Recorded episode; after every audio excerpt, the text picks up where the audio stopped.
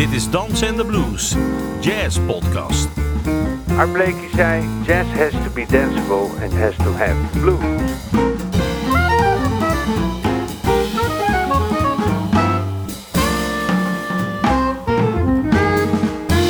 Je luistert naar een aflevering van Dansen en de Blues. Een podcast over jazz met kleurrijke gasten, indringende gesprekken, sterke verhalen en vooral swingende muziek. Mijn naam is Ben van der Dungen en vandaag spreek ik met een getalenteerde en superactieve muzikus, een fantastische saxofonist en een entrepreneur puur zang. Eentje die niets aan het toeval overlaat. Hij is in staat om niet alleen verrassende projecten te verzinnen, te maken en te spelen, maar ook nog om ze heel goed in de markt te zetten. De gast vandaag is Tom van der Zaal. Dankjewel. Kan je er een beetje in vinden wat ik zei? Ja, helemaal goed. Oké. Hey, we gaan, voordat we een beetje gaan praten, gaan we eerst naar je eh, trio luisteren. Wie, wie spelen mee? Dat is Mateusz Nikolajewski op bas uit Brazilië, Porto Alegre. En eh, Sander Smeets op drums. En we gaan luisteren naar blues. Yes, Bluebird.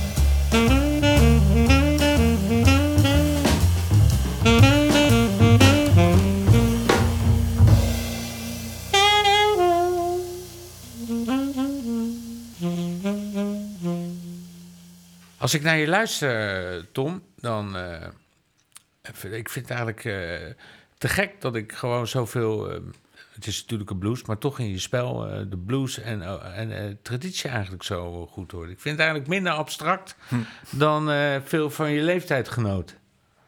Wat vind je daar zelf van? Ja, dat, eh, dat eh, klopt zeker. Dat vind ik eh, zelf ook. En dat komt omdat ik ben opgegroeid van huis uit met eh, eigenlijk juist de traditie van die muziek. En mijn vader is saxofonist en clarinetist.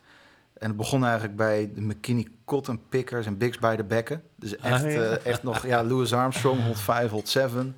En ik ben eigenlijk altijd vanaf het begin bezig geweest met Benny Carter checken. Heel erg, vooral tussen mijn, tussen mijn negende en 17 ongeveer. Heb ik eigenlijk alleen maar Benny Carter gecheckt. En eh naarmate je met studiegenoten op het conservatorium in aanraking komt, ga je ook modernere dingen checken. Ja. Dus eigenlijk is het chronologisch op een hele natuurlijke manier, of, eh, ontwikkeling geweest. Van de jaren 20, 30 tot aan eh, heden. Dus, dus ik check wel echt ook modernere dingen. Ja, nee, ik, ik, het is ook niet zo dat ik je als een hele traditionele saxofonist zie, maar, maar, je, de, laten we zeggen, de teneur is toch wel de, de, de ja, laten we zeggen, de organische kant van, Ja. van de muziek in plaats van de intellectuele ijver. Om het Ja, omdat te er alles, met wat meer traditionelere vorm van jazz zit echt wel echt alles in. Ik bedoel, voor mij moet er ook altijd blues in zitten en, en het moet rooted zijn. Het moet ook door, door mensen te volgen kunnen zijn of herkenbaar. En eh, ook de sound voor die, van die gasten, ja, daar ligt mijn voorkeur uiteindelijk. Hè, maar als je nou eh, zo terugkijkend, de laatste tien jaar, waar haal je dan zeg maar je meeste inspiratie, materiaal vandaan? Dat, Hè, want Eh, Benny Carter is eigenlijk een, eh, een, eh, een, een, eh, exceptioneel geval Ja, eigenlijk. hè? ja eh, eigenlijk is, is het een ondergewaardeerde saxofonist. Maar alle grote, zoals een Cannibal Adderley, Parker, zijn ook door hem direct beïnvloed. En eh, om op je vraag terug te komen, de laatste tien jaar ben ik toch wel vooral met namen zoals een Roy Hargrove, Mulgrew Miller. Dus wel ietsje modernere namen. Maar als ik dan weer een oude plaat opzet, dan ga ik zelf voor mijn plaat. Dus het is altijd weer, als je dat dan weer terug Ja. hoort, dan, eh, dan komt dat wel binnen. En, en ja, omdat alles, alles zit in die muziek en technisch ook is het echt eh, bizar goed.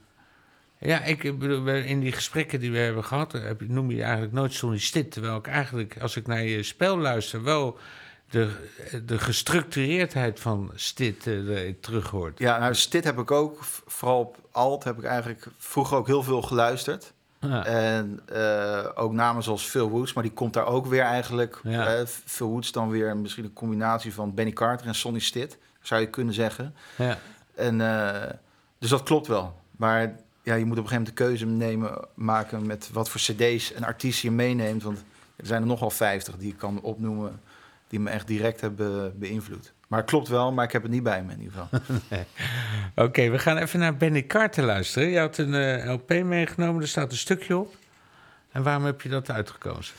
Dat is eh, Moonglow. En eh, dat is eigenlijk mijn eerste solo geweest die ik heb uitgezocht toen ik, ik denk 13, f- 13 was. En dat was ook mijn eerste presentatie op, op school. Met oudere jongens in de band hebben we dat ook ten gehoor gebracht. En die opname is apart omdat er geen bassist bij zit. Dus het is alleen piano, drums en sax.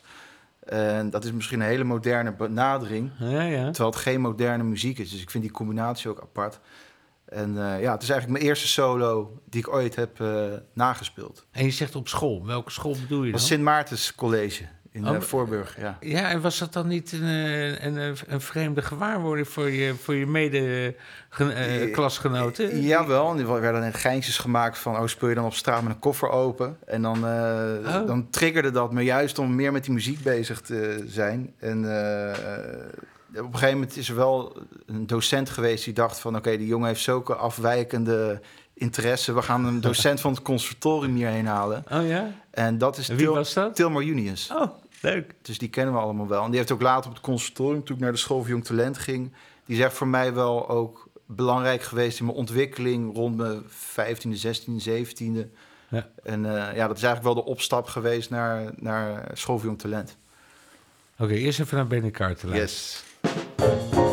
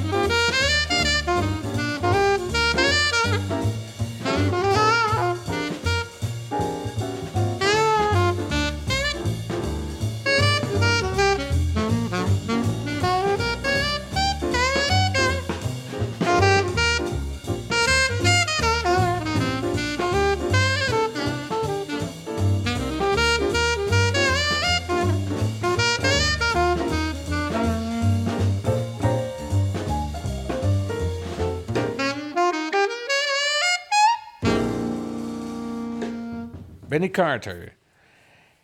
Ja, eh, ik, heb, eh, ik zat zo naar je te kijken eh, toen je aan het spelen was. En ik, je hebt zo, nou, is toch eens een beetje een aparte manier van op, die, op die saxofoon spelen. Dat doet me eigenlijk aan iemand denken. Je, je- je draait helemaal zo die kin naar Iemand hier in Den. Haag. Iemand in Den Haag. Ja, dat, is, dat, dat klopt wel. Dat is waarschijnlijk doel je op Robert Veen.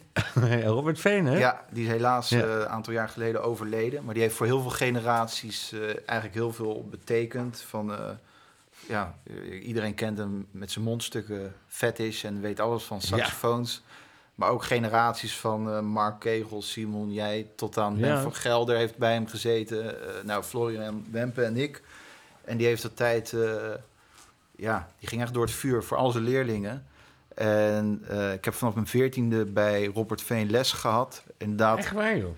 ja, en, eh, maar er is inderdaad heel veel over techniek en houding altijd gepraat, eigenlijk vanaf het begin. En ook iemand als Phil Woods heb ik veel naar gekeken en nagedaan, dus daar komt het ook vandaan. Oké, Ja. ja. dat is mooi.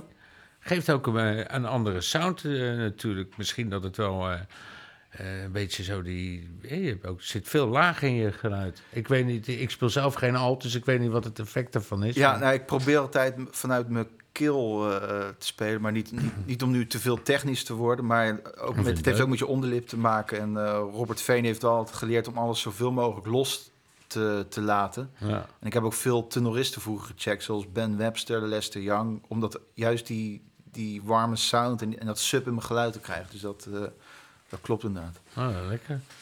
Ja, en hij, maar hij is natuurlijk een, eh, ja, een echte komfreak. Ja, En vond hij dat niet erg dat jij op een Salmer... eh, Eh, jawel. Ik heb jarenlang op een kon van hem gespeeld. Maar op een gegeven moment op het consultorium wil je toch een, een, een ergonomische, meer ergonomische sax Ja. dan, dan een kon. Ja, Want de logisch. kenners onder ons die weten dat dat niet altijd even makkelijk is. nee, Ondanks dat Charlie. Parker er alles op kon. Ja, het is natuurlijk ook voor meer voor een bepaalde stijl muziek. Ja. Gebruik je een con ook voor de, voor de sound. Maar ik wilde op een gegeven moment naar een Selmer. Dus toen heb ik die con eh, van hand gedaan. En dat eh, vond hij minder leuk. Ja, maar je speelt nog wel op eh, hetzelfde mondstuk, Meijer, hè? Speel je? Ja, ik heb wel een, een Meijer eh, 7, medium kamer. Heb ik, speel ik nog steeds op. Dat is een monster van Robert Veenaat. En die gaat ook nooit weg.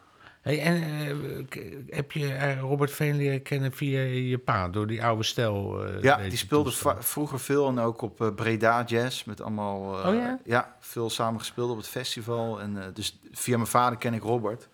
En eh, ook mijn eerste klarinet op mijn achtste direct bij Robert Veen ge- gekocht. Dus ik ken Robert eigenlijk, ja, natuurlijk kende. Eh, speel je nog klarinet, of niet? Nee, nee, ik heb ook een tijdje dwarsfluit, maar ik heb alles van hand eh, Ja. gedaan. Omdat ik alt, alt saxofoon en organiseren. Ja. Tijd tekort. ja, je zei eh, net, hè, toen ik je vroeg van oh, eh, tien jaar geleden, waar- ben je de laatste tien jaar geleden mee bezig geweest? Wie heb je geïnspireerd? Zei je opeens Roy Hardgrove. Ja, Dat is een trompetist. Wat, Ja. wat vind je daar zo gaaf aan? nou ja, dit is eigenlijk, ehm, eigenlijk langer dan tien jaar geleden al. Ik denk dat ik vanaf mijn zeventiende eh echt wel flink naar Bro Hargrove aan het luisteren ben. Omdat voor mij is dat echt een moderne trompetist... waar nog steeds alles hoorbaar is. Dus die hele geschiedenis zit in zijn spel.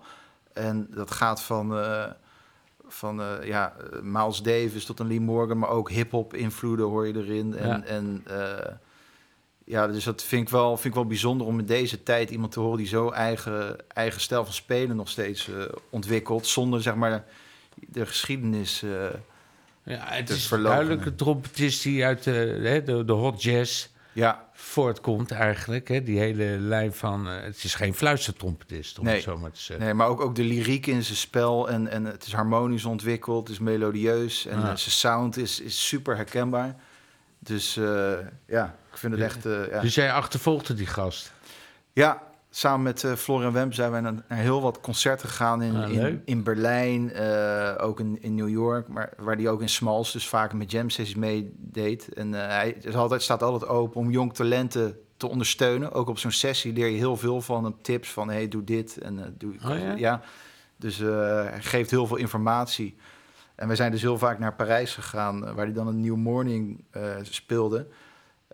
Ook wetende op een gegeven moment dat die gasten, die hele band, ging altijd naar een jam sessie, naar, de, naar die concerten. Ja. En eh, wij wisten dat, dus dan kon je zo drie nachten met ze spelen. Dus natuurlijk, ja, daar leer je bewijs van, van meer van dan op het conservatorium. Ja, natuurlijk. Laten we even een stukje eh, van Roy Hargrove eh, gaan beluisteren. Wat had je in je hoofd? Dat was de stinger, of dat is de stinger moet ik zeggen.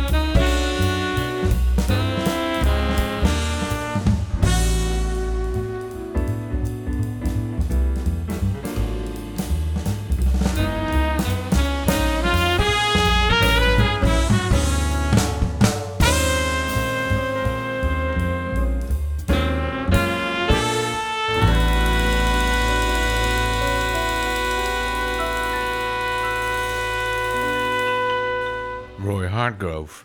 Een andere inspiratiebron die je noemde was Milgram Miller, hè, de pianist. Ja, Ja, dat moet je ook eh, maar iets over ja de- gaan daar, geldt, daar geldt eigenlijk hetzelfde voor. Volgens mij is, is die eigenlijk opgekomen de tijd van die, in, de, in die Ellington Band, die Mercer Ellington Band. Mhm. En eh, ook bekend als sideman van het, van quintet, zoals eh, Tony Williams. Dus echt een grote quintet. Eigenlijk tegelijkertijd met Herbie Hancock, of net, er, net erna. Eh, ja, en ik vind daar ook weer echt alles. Je hoort er Oscar Peterson in, je hoort er Herbie Hancock in. Dus dat is ook weer iemand die al die invloeden in zijn eigen spel verwerkt... zonder dat het eh, jatwerk is, bij wijze van spreken. Dus het is echt heel eigen. En eh, ik geloof ook bij Betty Carter heeft hij gezeten. Dus die gast heeft ook een enorme geschiedenis. En eh, het is wel bijzonder. Een maand voordat hij overleed... hebben we hem live kunnen zien tijdens een masterclass in, eh, in New Jersey... En eh, ja, het klonk gewoon nog precies op, op, de, op de plaat. Dus dat was wel een bijzonder moment voor ja, als je je grootste held zo live kan meemaken. Hij speelt op deze plaat met Kenny Garrett.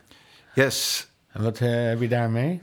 Nou, Kenny Garrett, dat is weer, dat vind ik qua, qua energie te gek. En dat, ja, dat, dat komt dan weer echt voort uit die hoek van Jackie McLean en de, de, de, de modale, modale dingen. En natuurlijk post Coltrane kan je het, eh, zo kan je het zien. Zeker. Dus dat is weer een heel andere. Ja, dan. dan ja, hoe zeg ik het? Het is, het is, het is wel een stuk moderner en, en voor Ja. die tijd ook vooruitstrevend. Het is echt weer een eigen geluid. Natuurlijk bij Miles Davis eh, bekend geworden. En ken je eh, ook Out of the Blue?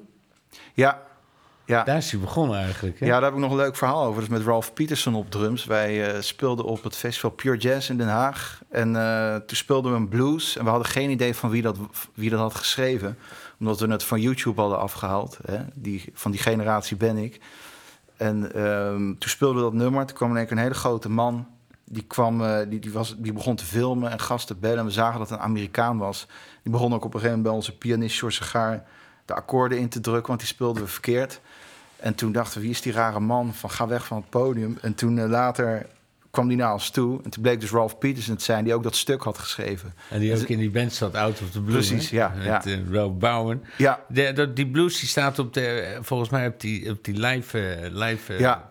plaat. ja, klopt. Ja, zomaar een groepje mensen wat, wat, waarbij, hè, die dan aan zo'n contest meedoen Ja, en het winnen. En het zijn toch allemaal gewoon echt topspelers. ja, ja, ja. We gaan even luisteren naar Milgram Miller. Welk stuk gaan we spelen? Bruce Tune.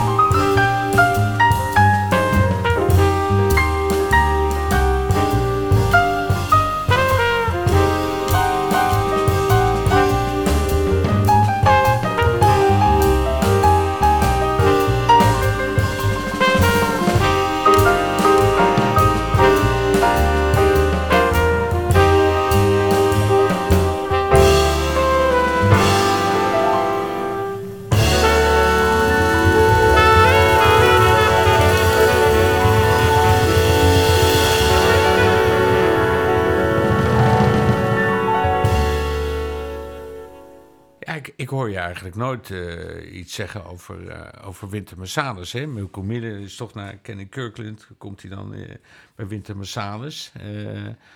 Ja. als ik zou moeten kiezen tussen Roy Hargrove en Winter Marsalis... dan zou ik het wel weten. Ja, dat is natuurlijk een ander. Ik ben er wel, bijvoorbeeld die Ken Burns serie die die ook heeft gedaan. Die vond ik helemaal te gek. Die heb ik ook al op hele jonge leeftijd heel vaak gekeken.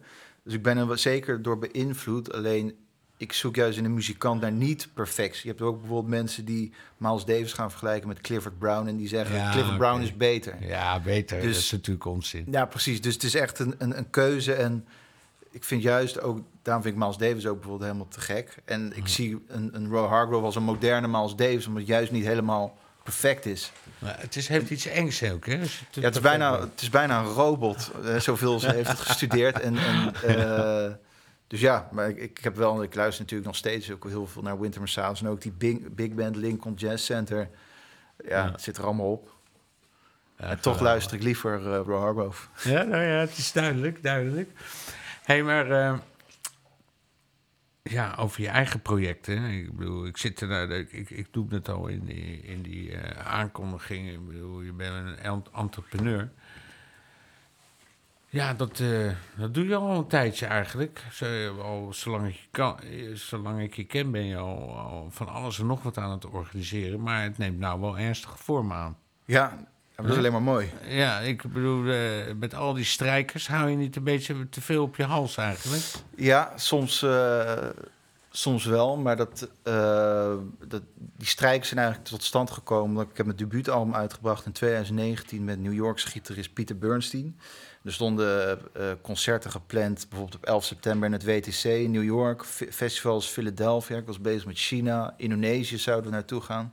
Maar die crisis is, eh, ja, is alles in het water gelopen. En ja, je wilt toch je momentum dat was, dat was een beetje verdwenen met die plaat. Toen heb ik gedacht, dan ga ik mijn eigen debuutalbum herschreven. Zonder dat ik het echt heb gepresenteerd al. Ja. Eh, ik ga niet drie, vier jaar later nog eens een keer mijn debuutalbum... eh, ik ben inmiddels 34. Hè, ja. Dus daar moet wel een beetje Je kan vaart- nog door voor jong te leven. ja, dat kan, kan net, maar er moet wel een beetje vaart in eh, zitten. Dus ik heb gedacht, ik ga mijn debuutalbum herschrijven voor, voor strijkers orkest. Dus een dectet, dus elf man, elf strijkers. En totaal zitten er 16 man bij. Heb ik opnames gemaakt eh, eh, in, het, eh, koninklijk, in de Koninklijke Schouwburg in Den Haag. Ja. En dat is eigenlijk een opdracht geweest vanuit het Erasmushuis in Jakarta. En die hebben gezegd, Tom, we vinden die plaat zo te gek, die de- debuutalbum. En we hebben nu al twee keer die tournee moeten cancelen. Dus je krijgt van ons carte blanche om een productie op te zetten. Wat is je droom? Toen dacht ik van, ja, dit is een kans om iets met strijkers te doen.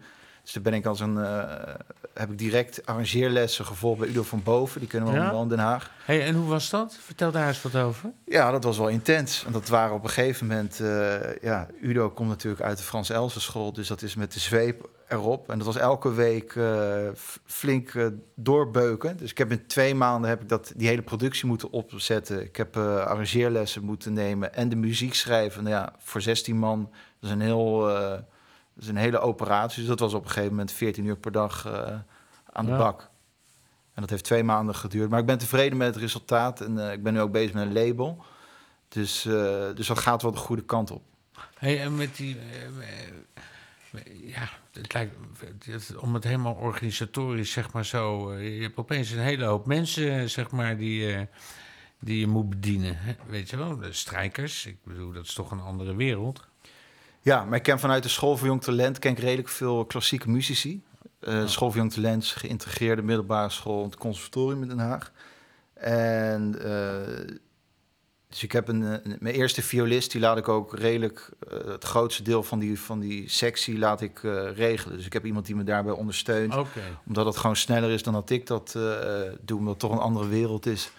Maar dat, eh, ja, dat gaat ook heel goed. En soms is het natuurlijk al het risico dat er eh, strijkers niet kunnen. Maar dan is er snel genoeg een ander geregeld. Nou, die gaan, die, die, die, dat, dat hele orkest gaat naar Indonesië. Nee, ik ga naar Indonesië met kwartet uiteindelijk. Ja. En dat eh, gaat in juli plaatsvinden. Maar wat wel leuk is, is dat we met dit, met dit eh, project zijn genomineerd voor de Karel van Eert Music Award. Dus een nieuwe prijs. En eh dan krijg ik vrijdag te horen of ik door ben naar de finale. En dan kunnen we 25.000 euro winnen plus een Europese kickstart. Dus dat is spannend.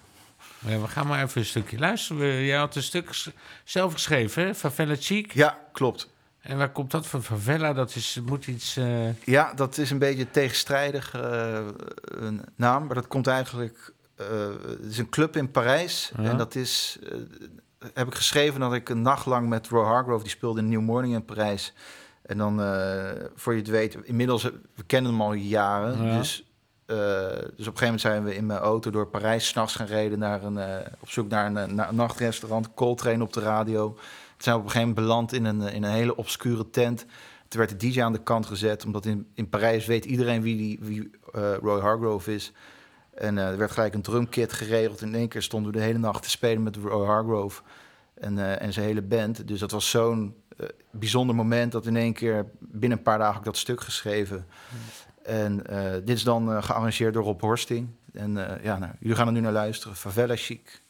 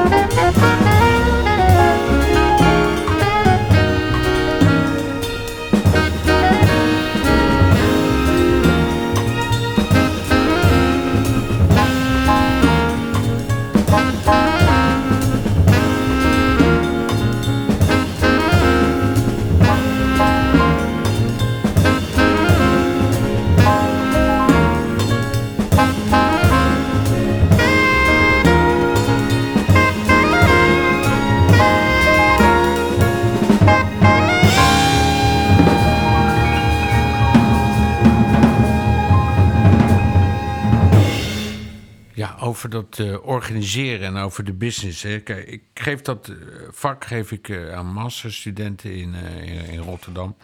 En ik zit soms af en toe met mijn handen in mijn haar. Want eigenlijk is het gewoon iets... Het moet toch in je zitten eigenlijk. Ja. Niet elke muzikant is ook per definitie een ondernemer. Dat worden we wel gedwongen, maar eigenlijk is het niet zo. Nee, in praktijk niet. Nee. Wat vind jij daarvan? Wat ik, eh, is een boute bewering? Of vind Nee, je ik ben het daar helemaal mee eens. Ook eh, omgekeerd, als jij een, eh, een small business hebt gestuurd, ben je ook niet direct een goede ondernemer als je papiertje hebt. Dus dat leer je echt in praktijk. En je moet daar ook gewoon, ja, je moet er de persoonlijkheid voor zijn en je moet het ook willen doen.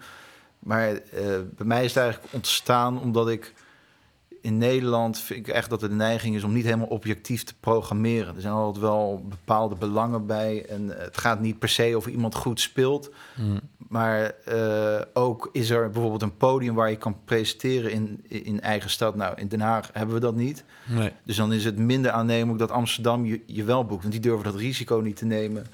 eh, om bijvoorbeeld een Haagse artiest te boeken. En dat is wel iets waar ik echt eh, vanaf jongs af aan tegenaan ben gelopen.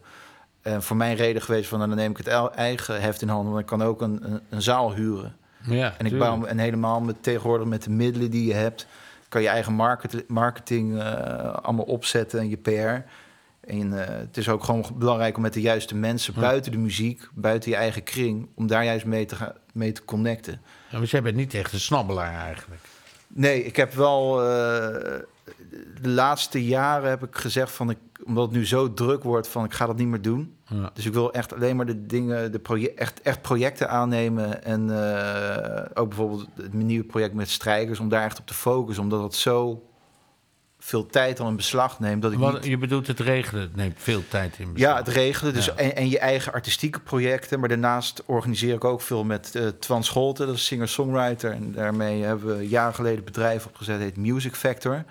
En daar organiseren we bijvoorbeeld ook festivals mee. Of we ondersteunen festivals met programmeringen. Dus dat is van foodfestivals met 20.000 man per dag... tot aan ons eigen Ja.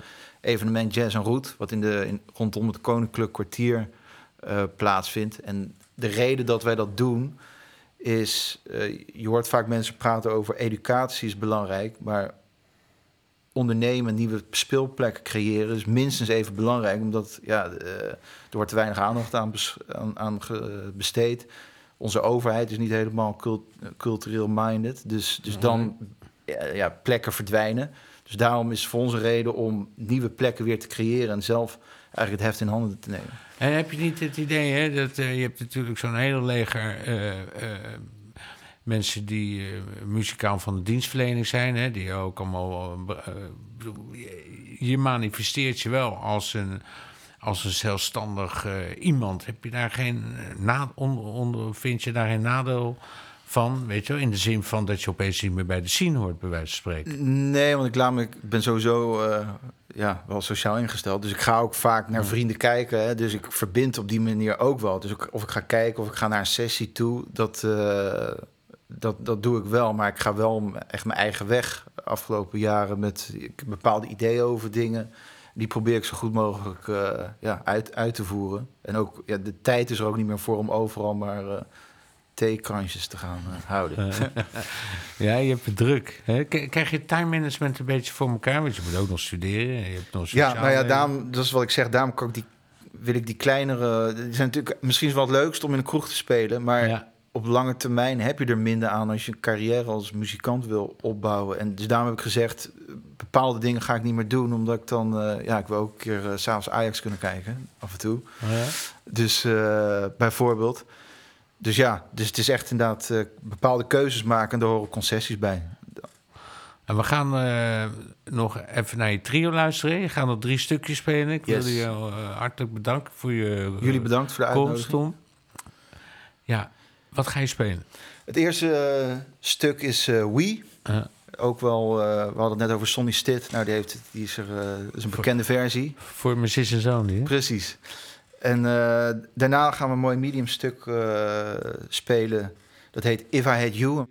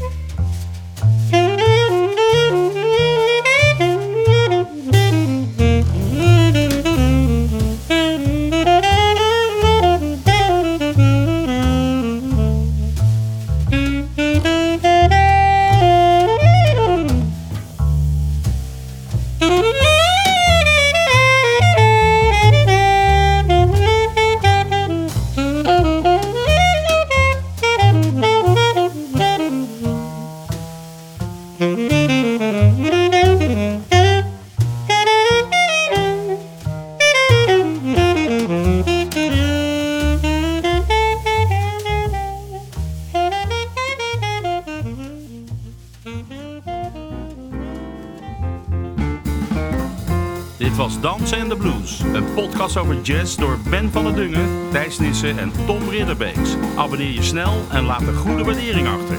Wil je meer weten? Kijk dan op dansenandeblues.nl en volg ons op Instagram en Facebook. Dankjewel voor het luisteren en tot de volgende keer.